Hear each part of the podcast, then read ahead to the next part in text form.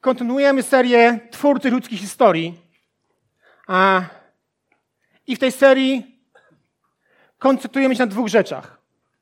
Po pierwsze na Jezusie Chrystusie, który jest twórcą ludzkich historii, ponieważ zauważamy Jego wpływ, czy zauważaliśmy Jego wpływ na nasze życie i to On zmienił totalnie często bieg naszego życia.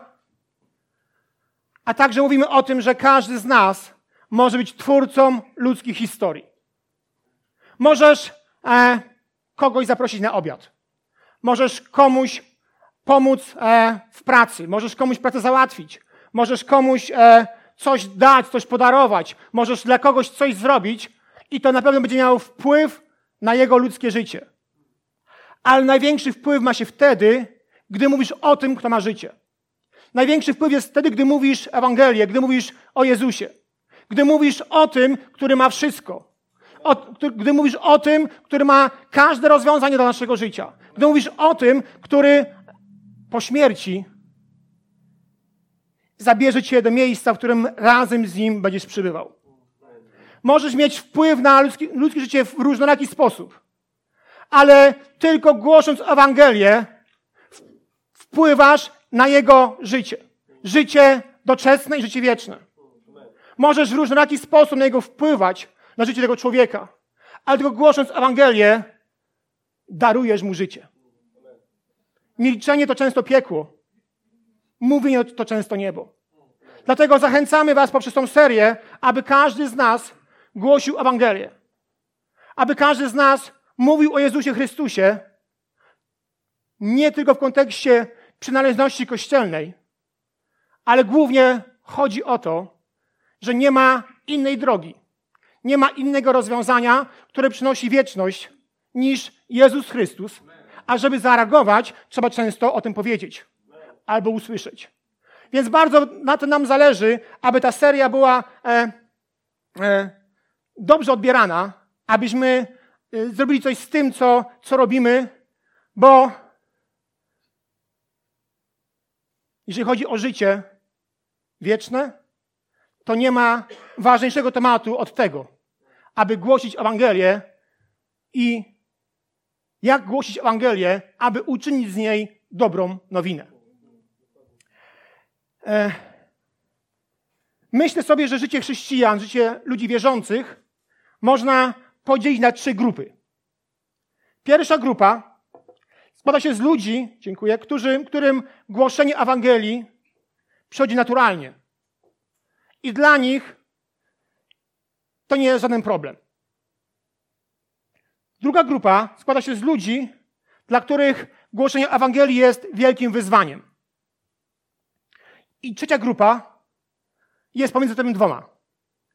Nie jest to dla tych ludzi e, wielkie, znaczy bardzo naturalne, ale też nigdy nie stanowi jakiegoś wielkiego problemu. I gdy myślę o sobie, to ja jestem właśnie reprezentantem tej trzeciej, trzeciej grupy. Głoszenie Ewangelii, mówienie ludziom o Chrystusie nigdy nie było dla nim takie naturalne. Zawsze się wiąże z jakimś moim przełamaniem, ale też nie stanowi dla mnie jakiegoś wielkiego problemu. Nie czerwienię się, nie jąkam się, wiecie, nie dygam się, po prostu jest, jest ok. Natomiast wiem, że są lepsi ode mnie.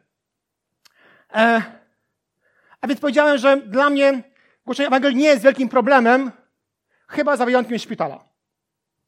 Wczoraj sobie o tym myślałem, że jeżeli chodzi o szpital, to jestem cienki. E, jak sięga pamięcią, nigdy nie lubiłem szpitali. I coś z tym wiąże. Nawet nie lubię odwiedzać ludzi w szpitalu.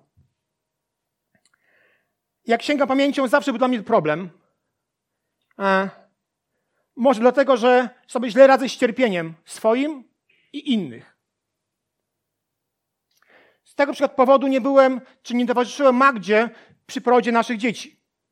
Uznaliśmy, że bardziej pomocna będzie moja nieobecność niż moja obecność. I ja wiem, że teraz macie różne uśmieszki i różne, co myślicie, że bym zemdlał? Nie, może mnie zemdlał, ale, ale uznaliśmy, że e, będzie bardziej spokojna, gdy będzie sama rodzić. Tak było? Tak było. E, gdy mam iść do szpitala, na przykład kogoś odwiedzić, to mam wrażenie, że gdy wychodzę z niego, to jestem bardziej chory od ludzi tam spotkanych. Jest mi słabo, mówię poważnie, jest mi słabo, jest mi duszno i czuję się, czuję się bardzo niezręcznie. Są ludzie, którzy, gdy idą do kogoś w odwiedziny, e, wiedzą, co powiedzieć. Ja przeważnie nie wiem. Wiem, że jednym z moich obowiązków duszpasterskich polega na tym, że aby ludzi odwiedzać i mówić o wierze, o nadziei, a ja najczęściej milczę, ponieważ bardzo źle się czuję w tym otoczeniu. A rzadko modlę się o ludzi chorych w szpitalu. Choć to jest miejsce, gdzie ta modlitwa powinna być najczęściej stosowana. Ale e, widok ludzi chorych, łóżka szpitalne po prostu e, w jakiś sposób mnie paraliżuje. Wiem, że to jest mój problem i będę musiał sobie z tym radzić, albo poradzić nawet. Natomiast mówię o tym, że jeżeli chodzi o jakieś miejsce, w którym e, głoszenie Ewangelii jest dla mnie problemem, to właśnie szpital. Więc jeżeli myślisz teraz sobie o tym, że gdy pójdziesz do szpitala, to twój ukochany pastor cię odwiedzi i sobie porozmawiasz, chyba cię rozczaruje. Bo jeżeli cię odwiedzę, to pani będzie milczeć. Ja nie wiem, co wtedy mówić. Wiem, że Chrystus jest jedyną drogą, przez którą człowiek trafi do, trafia do nieba i jest o tym przekonany, ale rzadko o tym mówię właśnie w szpitalu. E, ponieważ z jakichś powodów emocjonalnych ciężko mi być w tym miejscu. Może dlatego, jak powiedziałem, że źle sobie radzę z swoim cierpieniem i cierpieniem e, ludzi mi bliskich. A więc być może jesteś takim człowiekiem, który się z czymś zmaga, z takim czymś jak ja. Być może należy do tej drugiej lub trzeciej grupy, więc dzisiaj to kazanie jest do ciebie. Jeżeli jesteś należy do pierwszej grupy, masz wolne. Nie musisz mnie słuchać. Ale jeżeli się borykasz z jakimiś miejscami, w którym ci jest trudno głosić Ewangelię, jeżeli borykasz się w ogóle z mówieniem Ewangelii, to chciałbym, byś mnie posłuchał, ponieważ e, być może to będzie dla ciebie pomocne. Być może nie głosisz Ewangelii z powodu silnych, zbyt silnych emocji z tym związanych. W szpitalu są często dla mnie silne emocje. Chciałbym, aby e, ludzie tam nie trafiali, ale czasami trafiają. I emocje, które są we mnie, trochę są trudne, aby w tym się odnaleźć. Być może nie głosisz Ewangelii, nie siejesz życia z tego powodu, że nie chcesz się narzucać. Być może nie chcesz być nielubianym, a czasami tak jest. Że tracisz w czyichś oczach, ponieważ głosisz o Chrystusie. Lub być może nie głosisz, ponieważ myślisz o sobie, że masz zbyt małą wiedzę, wiedzę biblijną, a i boisz się, że ktoś cię po prostu, nie wiem, zatnie. Ktoś powie ci o czymś, na co nie będziesz miał żadnej odpowiedzi. Myślę, że te, te, te powody są mi znane. Wielokrotnie chcieli mnie zatrzymać w głoszeniu Ewangelii, a nawet nie jednokrotnie zatrzymały mnie.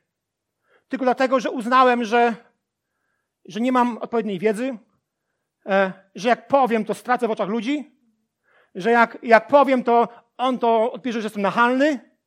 Więc pewne myśli przychodziły i czasami niestety mnie zatrzymywały. A więc co zatem robić, gdy należysz do drugiej lub trzeciej grupy? Grupy, w której głoszenie Ewangelii jest pewnym wyzwaniem. Co robić w sytuacjach, w których czujemy się niezręcznie lub w których boimy się reakcji słuchaczy? Jak sobie radzić z tym, że boję się otworzyć ust lub gdy nie wiem od czego zacząć? Po pierwsze, myślę, że na początku musisz przestać się obwiniać. Nie wiem, czy wy tak macie, ale jeżeli jest jakaś sytuacja, w której, w której czuję, że powinienem głosić Ewangelię, a tego nie robię, to przychodzi takie obwinianie się. Znowu spaprałeś. Miałeś okazję, nie wykorzystałeś. Przychodzi jakieś obwinianie, a z tym się źle czujemy.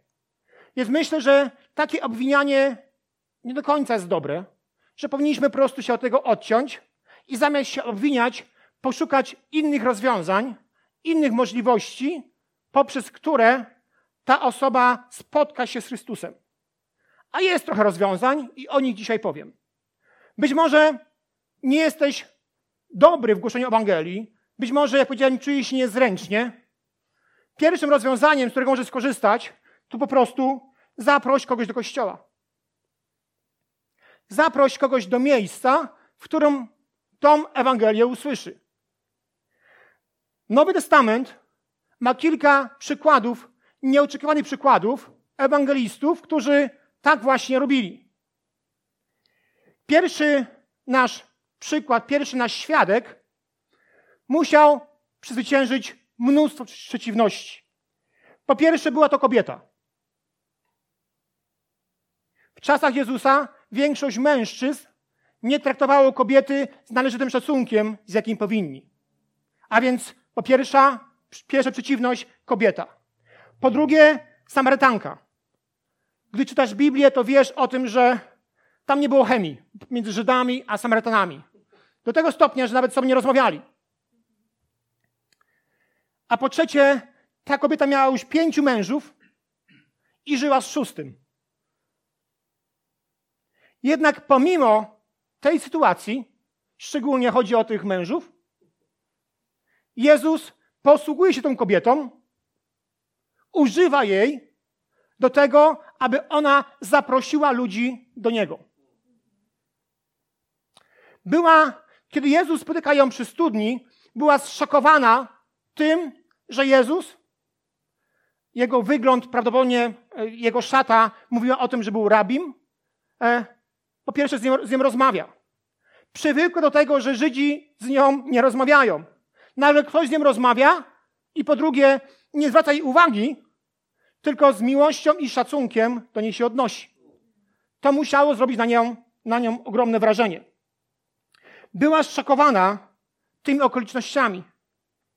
Czytamy w czwartym rozdziale Ewangeliana, że w trakcie tej rozmowy Jezus mądrze skierował jej uwagę z wody pochodzącej ze studni na wodę żywą. Obiecał jej, że jeśli zyska tę żywą wodę, nie będzie już więcej pragnęła. Oszołomiona Jego miłością i łaską, odmieniona kobieta opowiedziała o tym wszystkim znajomym. Relacja z Ewangelii Jana, czwartego rozdziału, 28-30 werset mówi tak. Kobieta natomiast zostawiła swój dzban. Pobiegła do miasta i zaczęła rozpowiadać. Chodźcie, zobaczcie człowieka, który mi powiedział o wszystkim, co zrobiłam. Czy to nie jest Chrystus? Wyszli zatem z miasta i ruszyli w jego stronę. Mimo, że ta kobieta, która doświadczyła przebaczenia, nie nauczyła się na pamięć żadnego tekstu z Biblii. Nie była apologetą, który, e, który może się mierzyć ze sceptykami w dyskusji. Nie wiedziała wiele na temat Pisma Świętego. Zaprosiła przyjaciół, aby doświadczyli spotkania z Jezusem. Dalej w tym samym rozdziale widzimy niezwykłe efekty jej działania. Ewangelia Jana, czwarty rozdział, 39 werset. Co do Samarytan mieszkających w miasteczku, to wielu uwierzyło w niego dzięki świadectwu kobiety, która rozgłaszała: Powiedział mi o wszystkim, co uczyniłam.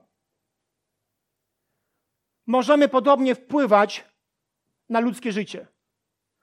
Być może nie jesteś asem w głoszeniu Ewangelii. Poszukaj rozwiązań, nie obwiniaj się. Zaproś taką osobę do kościoła na nabożeństwo, na spotkanie modlitewne, na grupę, na momentum, na festiwal odnowienie. Wszędzie tam, gdzie ta osoba może spotkać się z Jezusem. Zaproś ją do miejsca, w którym e, trochę cię, e, i to miejsce, które cię wyręczy z tej odpowiedzialności twojej. Zaproś ją do miejsca, w którym spotka się z Ewangelią i na którą będzie musiała odpowiedzieć. Chociaż nie bardzo wiesz, co powiedzieć, może zaprosić do miejsca, w którym usłyszy dobrą nowinę o Jezusie Chrystusie i doświadczy miłości Bożej ze strony ludzi. A więc po pierwsze, zaproś do kościoła, po drugie, opowiedz swoją historię wiary. Pismo Święte od początku dziewiątego rozdziału Ewangelii Jana mówi nam o historii człowieka niewidomego od urodzenia. I czytamy, że w niej, że uzdrowił go Jezus. Jednak pewni ludzie, nie rozumiejący tego wydarzenia, chcieli przedyskutować z nim to, co się wydarzyło. W odpowiedzi na oskarżenie wysunięte przez kilku faryzeuszy pod adresem Jezusa, że jest grzesznikiem, uzdrowiony człowiek wypowiedział następujące słowa. Ewangelia Jana, 9 rozdział i werset 25. Uzdrowiony odparł. Czy jest grzesznikiem? Nie wiem. Wiem jedno. Byłem niewidomy, a teraz widzę. Zauważmy jedną prostą rzecz. Ten uzdrowiony człowiek nie wiedział wystarczająco dużo, aby wdać się w spory teologiczne, ale był ekspertem w jednej kwestii swojego doświadczenia. Wcześniej był niewidomy, a teraz widział. Dokądkolwiek się udał, nie musiał a, tłumaczyć tego, co jest zapisane w Biblii, ale tłumaczył to, czego doświadczył. Mógł o tym opowiadać, co się wydarzyło. A jego odmienione życie stanowiło żywy dowód na to, że Bóg istnieje, że Bóg uzdrawia i że Bóg pomaga. Możesz zrobić to w ten sam sposób. Możesz zacząć od słów pozwól, że opowiem Ci, jak było ze mną. I możesz mówić o tym, co Bóg zrobił w Twoim życiu. A każdy z nas ma tego miliony. Ma miliony wydarzeń, których Bóg doświad- którego, w, których, których Boga doświadczyliśmy, w których Bóg odpowiedział na nasze wezwanie, na naszą modlitwę, na naszą prośbę.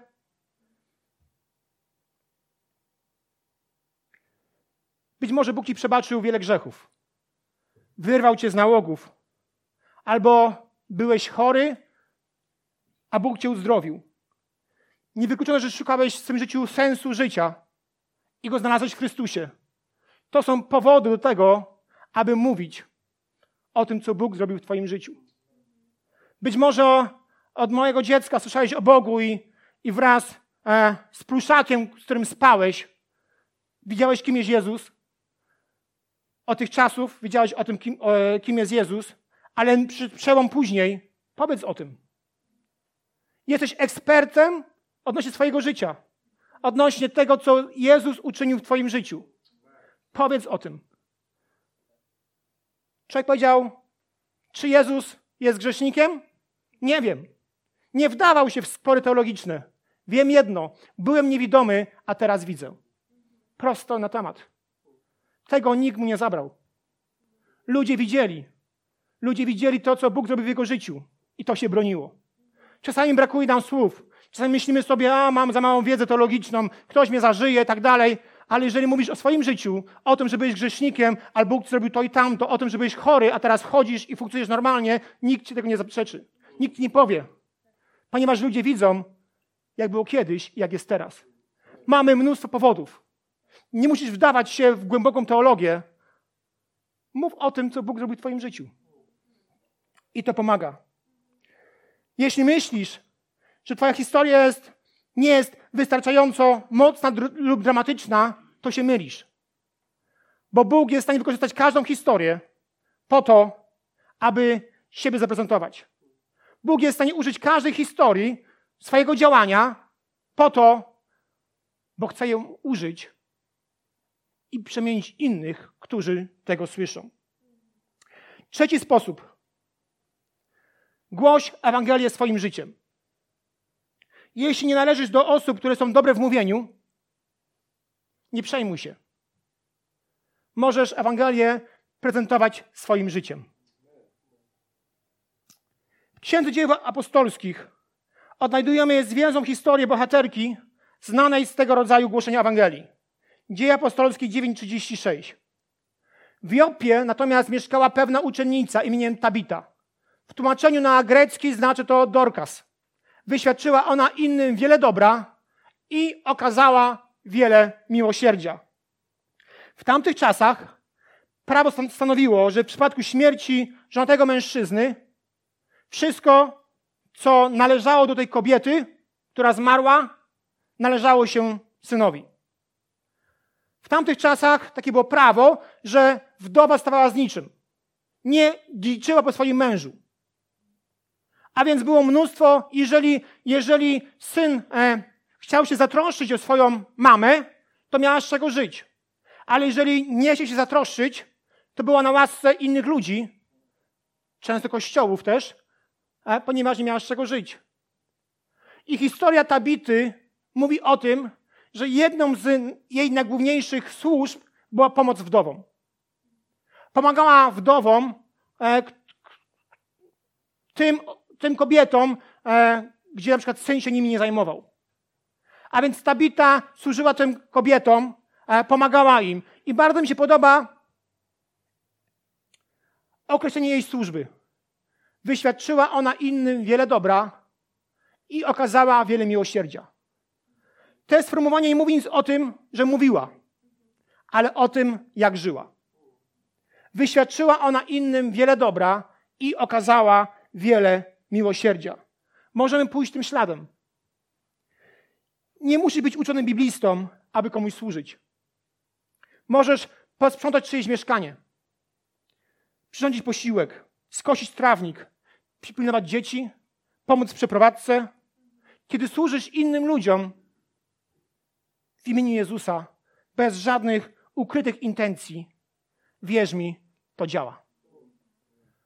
I myślę, czasy nam pomagają, w których żyjemy, ponieważ coraz bardziej kwitnie samolubstwo, coraz bardziej kwitnie ja w każdym człowieku, więc gdy jesteś inny e, od ludzi, którzy się tylko sobą zajmują, łatwo to zauważyć. Głośmy Ewangelię swoim postępowaniem. Głośmy Ewangelię swoim życiem. Okazuj, okazujmy wiele dobra i wiele miłosierdzia. I to działa.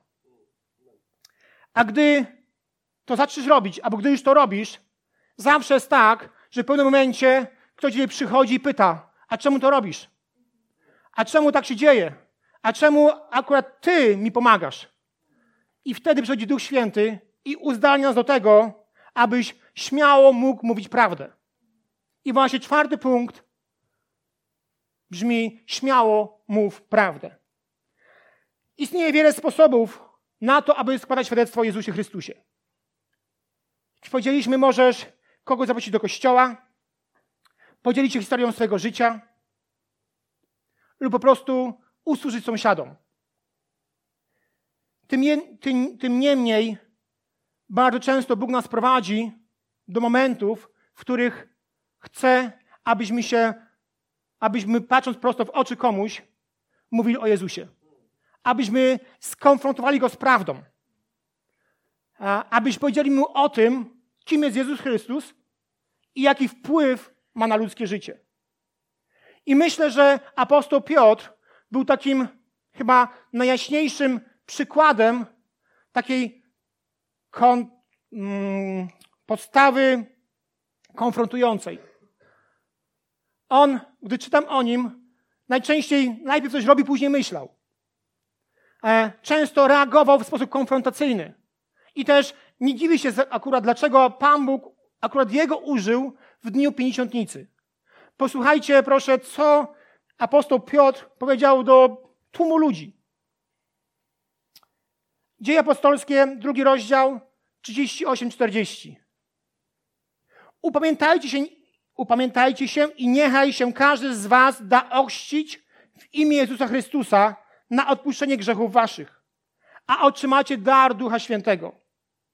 Wielu też, innymi słowy, składał świadectwo i napominał ich, mówiąc, ratujcie się spośród tego pokolenia przewrotnego.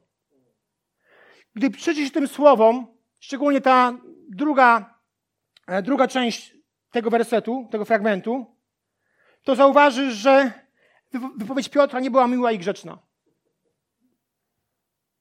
Napominał ich. Ratuj się spośród tego pokolenia przewrotnego. To nie, nie była wazelina. To była konfrontacja. Piotr używa prawdy, aby ludzi do pewnego momentu, w pewnym momencie do, z tą prawdą oswoić. Używa prawdy, aby prawda mogła zadziałać. Używa prawdy po to, aby prawda mogła wydać owoc. Czasami jest tak, że możemy przez całe życie sprzątać sąsiadom mieszkanie i nie mówić w ogóle, z jakiego powodu to robimy. I ktoś pomyśli, że po prostu lubi sprzątać. Nie ma co robić, więc sprzątasz. Uważam, że w pewnym momencie życia, ludzkiego życia, my musimy się posługiwać prawdą.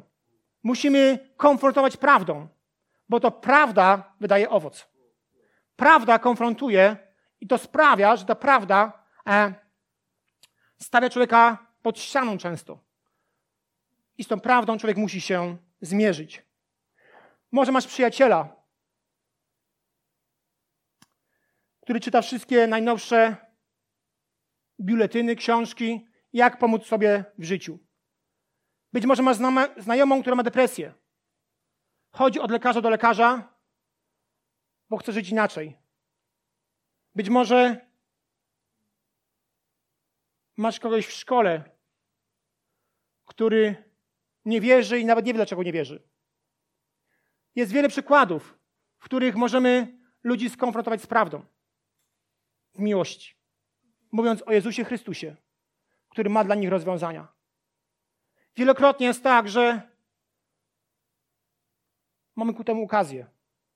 Piotr się nie szczypał.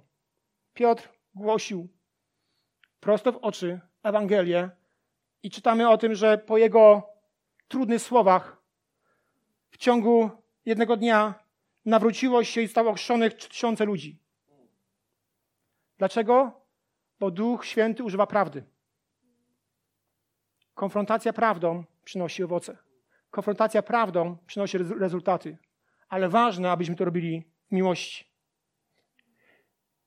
Zamiast często mówić bezpiecznym sloganem, zamiast mówić będzie dobrze, powiedz, dlaczego będzie dobrze.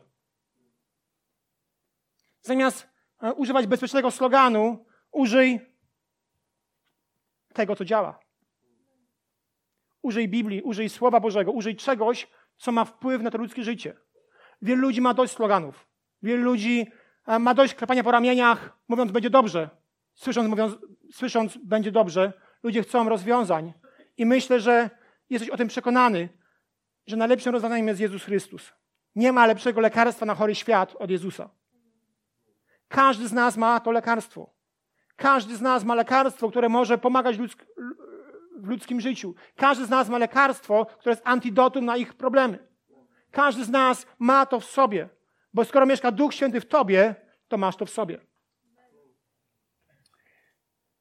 I nawet jeśli nie jesteś obdarzony, obdarzony konfrontacyjną osobowością i mówienie prawdy Ewangelii jest dla ciebie trudne, Bóg daje nam w konkretnych sytuacjach śmiałość, odwagę do mówienia. Skorzystaj z tego. Skorzystaj z tego i w tych momentach mów o tym, kim jest Jezus Chrystus. A Duch Święty cię użyje. Użyje i pobłogosławi. I będzie działał przez to, co powiesz. Musimy sobie z tego zdać sprawę, że On tylko błogosławi to i On tylko działa przez to, co powiesz o Jezusie. Jeżeli e, głosisz Jezusa ograniczonego w działaniu, On nie będzie działał. On nie zbawi nikogo, dopóki ty sam nie ogłosisz go Zbawicielem. On nie uzdrowi, dopóki nie ogłosisz go uzdrowicielem. To od nas zależy, kim jest w nas Jezus, a dopiero później mówisz o tym, kim on dla ciebie jest. Jeśli Ewangelia jest traktowana jako litera, ona zabije. Ale jeżeli pozwolisz na to, aby Duch Święty używał cię, aby używał tego wszystkiego, co On chce ci, przez ciebie powiedzieć, to przynosi życie.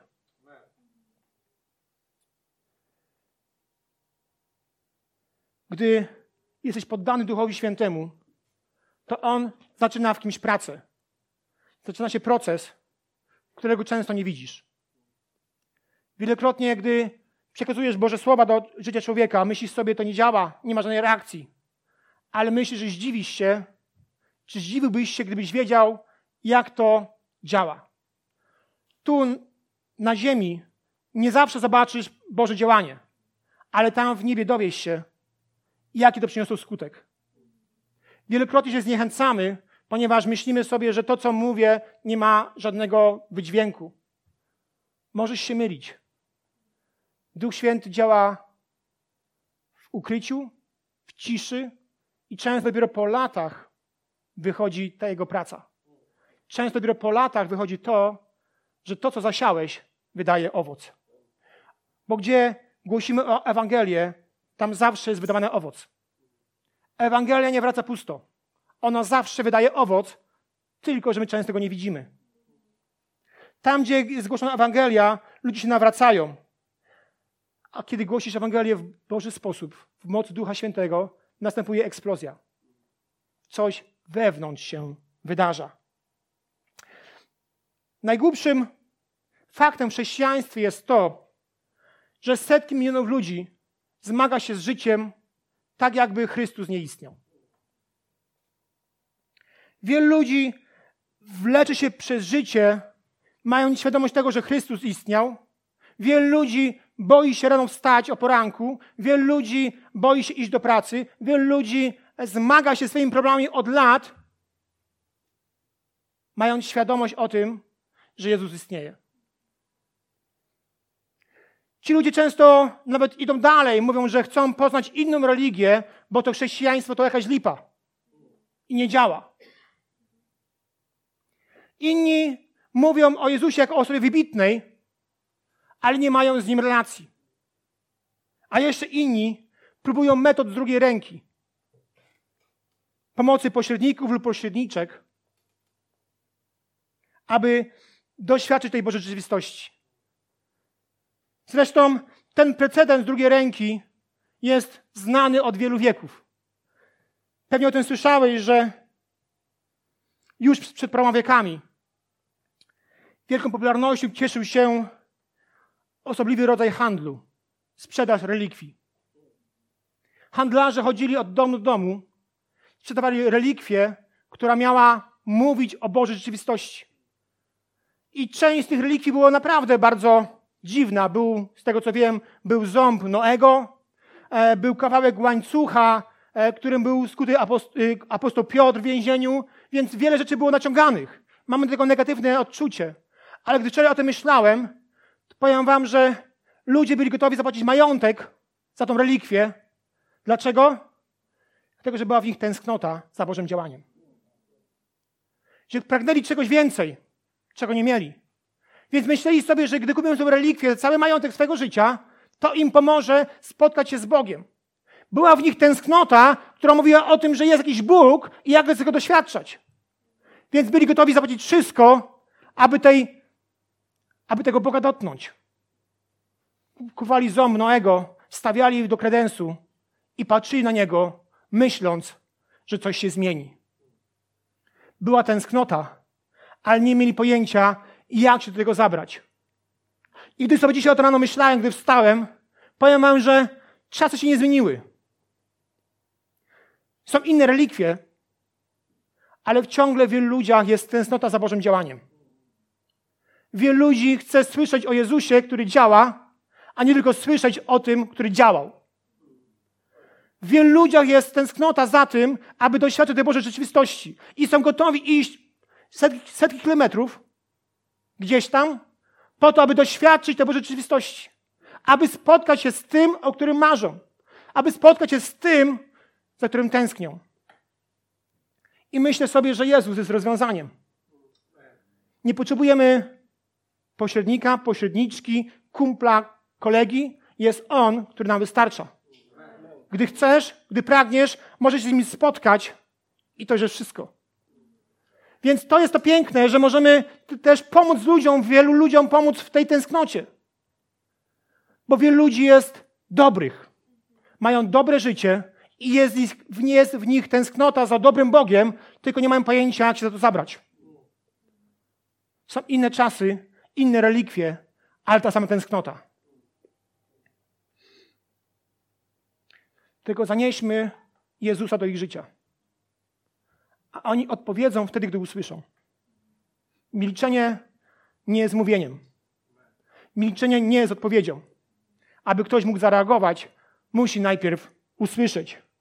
Zanieśmy do życia ludzi Jezusa, który jest znany z miłości, współczucia i mocy. Świat jest chory. I Jezus jest lekarstwem. Jego Ewangelia jest antidotum na ludzkie zmartwienia, ludzkie problemy i na wieczność, którą dzięki Jezusowi możemy posiąść. Biblia jednoznacznie mówi o tym, kończąc, że część ludzi pójdzie do nieba, a inna część do piekła. Gdy czytasz Biblię, widzisz te dwie drogi. Pismo Święte tylko o tych dwóch drogach mówi: albo niebo, albo piekło. Nie ma przystanku pomiędzy, nie ma przejścia pomiędzy, nie ma możliwości, że ktoś trafi do, do piekła, powie, później powie sobie: Nie, to jednak chcę być w niebie i przeskoczy jak na trampolinie. Wielu ludzi prędzej czy później zmierzy się z tymi rzeczywistościami. Albo niebo, albo piekło. Staną przed sądem i na tym sądzie usłyszą pewien werdykt. Osobiście nie znam nikogo, kto chciałby iść do piekła. I jest to dla mnie zrozumiałe. Gdy z kimś rozmawiasz, ludzie chcą iść do nieba, tylko nie rozumiem, dlaczego tak długo z tym zwlekają. Znam ludzi, którzy do maksimum zwlekają z decyzją o pójściu do nieba, że aż wręcz przeginają. Nie chcą iść do piekła, ale z niebem też chcą poczekać. Myślę sobie, że kiedyś nastąpi. Zresztą tak samo jak z chrztem. Wielu ludzi wie, że chrzest jest potrzebny, ale też zwlekają do maksimum.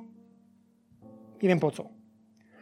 Być może powodem tego stanu rzeczy, dlaczego wielu ludzi odkłada wieczność w niebie, jest pewne niezrozumienie, czym jest niebo.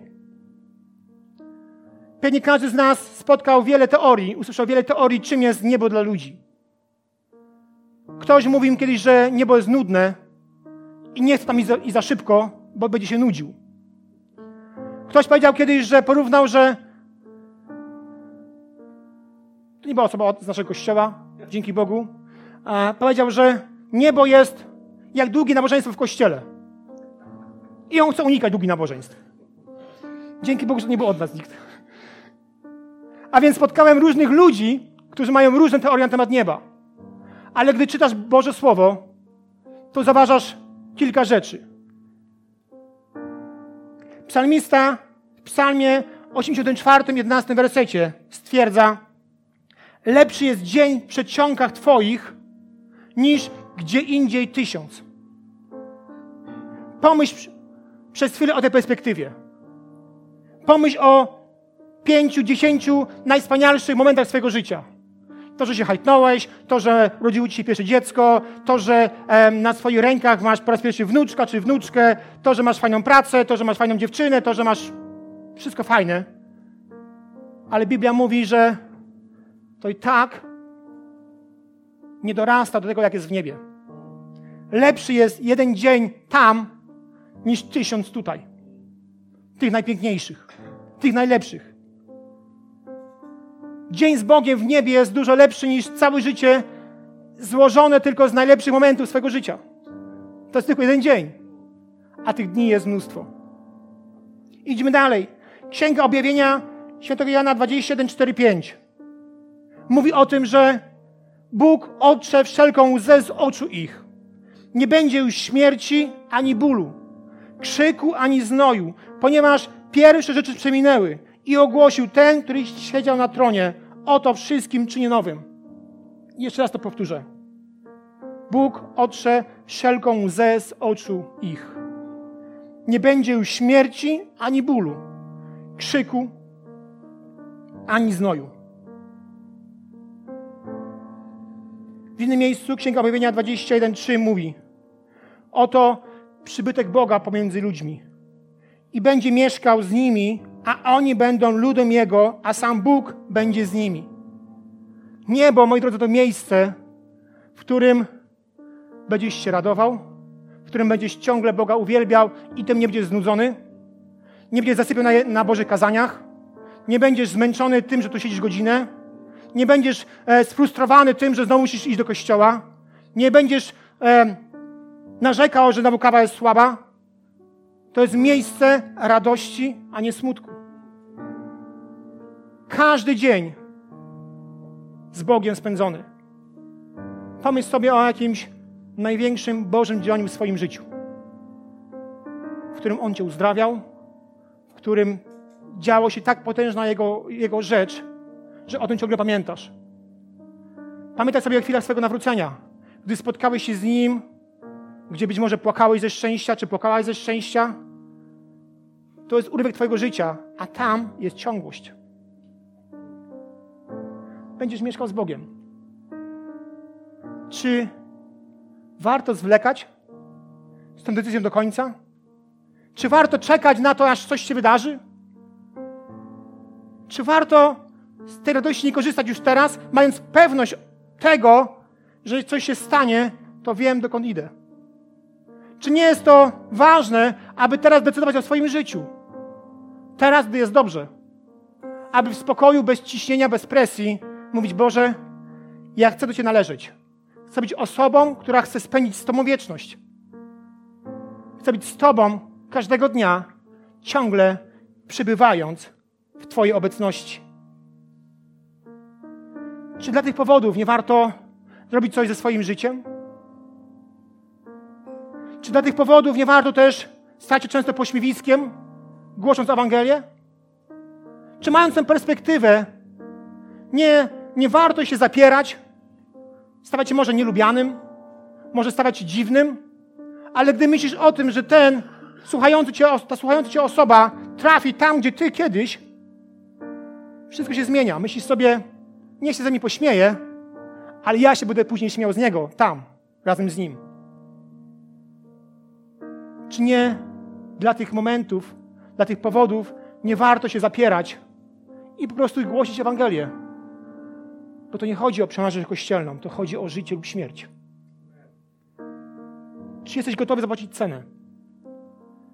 Czy jesteś gotowy zapłacić cenę w swoim życiu po to, abyś ty był w niebie i aby ktoś z tobą był w niebie? Czy nie warto się trudzić, aby zabrać kilku, kilkunastu, kilkuset, kilka tysięcy swoich znajomych po to, aby wysiedlić piekło i zaludnić niebo? Czy nie jest warto robić coś może wbrew sobie, wbrew temu, co czujesz i zabiegać o to, aby w niebie mieć swoich kumpli i koleżanki i aby tam ciągle z nim być? Nie wiem, czy masz taki, masz taki kumpli, jeżeli nie, to ci, to ci współczuję. Ja mam taki kumpli, którym mogę gadać non-stop. I byłbym bardzo smutny, gdybym był tam bez nich. Jeśli masz takie kumpli, koleżanki, to czy zrobiłeś wszystko, aby trafiły do nieba? Bo jeżeli nie, to będziesz od nich rozdzielony. Chciałem, abyśmy się modlili. Proszę, powstańcie. Chciałbym się modlić o to, abyś, aby była w nas świadomość nieba. Abyśmy byli o tym przekonani, że dla kogoś w niebie warto zapierać się samego siebie, warto robić coś, co być może nie jest popularne, a być może nie jest lubiane. Jezu, ja modlę się o to, abyśmy ratowali ludzi, aby każdy z nas był ratownikiem ludzi, aby każdy z nas głosił Ewangelię, aby każdy z nas był tą osobą, która zabiega o to, aby jak najwięcej ludzi było w niebie. Ojcze, ja modlę się o to. Ojcze, ja modlę się o to, abyś Ty Królu dzisiaj błogosławił. Abyś dał nam tą świadomość, co możemy zrobić, aby głosić Ewangelię i aby ona wydawała owoc. Ojcze, ja modlę się o to. Modlę się o to w imieniu Jezusa. Modlę się o to, abyś mógł dzisiaj nas e, używać, abyśmy w śmiały sposób głosili Twoją Ewangelię. Proszę, spraw, aby w naszych sercach ciągle dodominowała ta myśl, że Ewangelia jest po to głoszona, aby ktoś miał relację z Jezusem, Jezusem Chrystusem i to sprawi, że uniknie piekła. Ojcze, ja modlę się o to w imieniu Jezusa.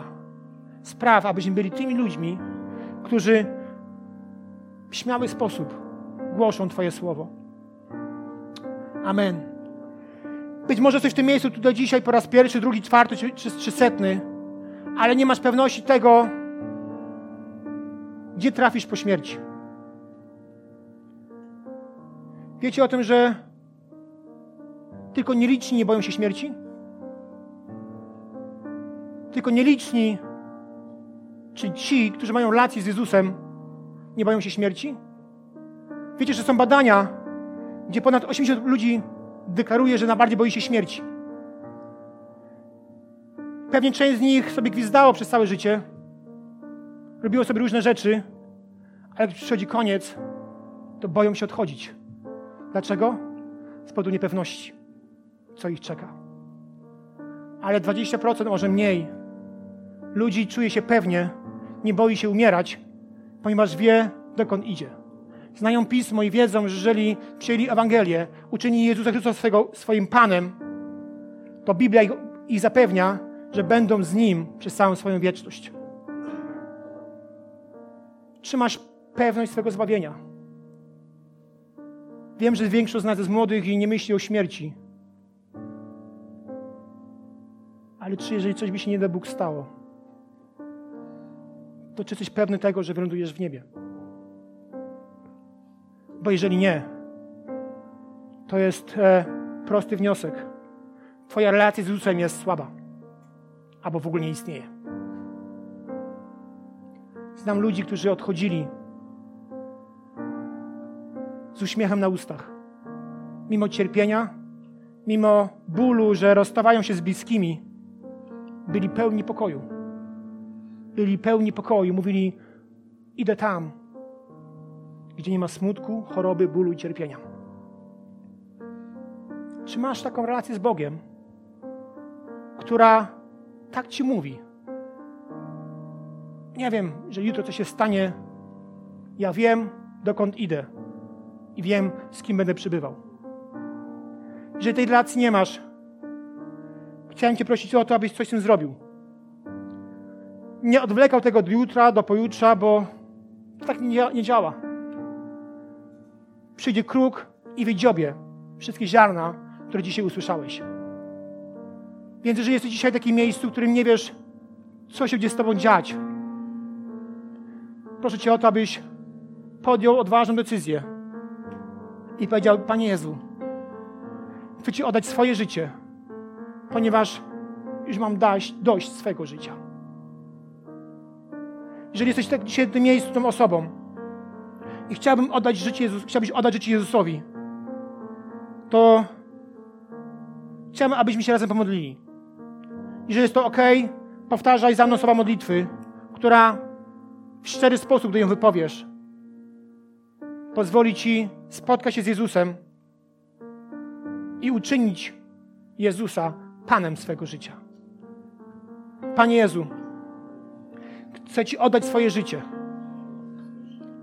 bo wiem, że tylko w Twoim ręku jestem bezpieczny. Panie, Tobie dziękuję za to, że jesteś synem Boga, który umarł i zmartwychwstał. I wszystko po to, aby miał relację z Ojcem. Boże, przyjmij moje życie w ofierze i naucz mnie żyć w zgodzie z Ewangelią. Daj mi miłość do Bożego Słowa i sprawy, aby moje życie przynosiło Tobie chwałę. W imieniu Jezusa. Amen.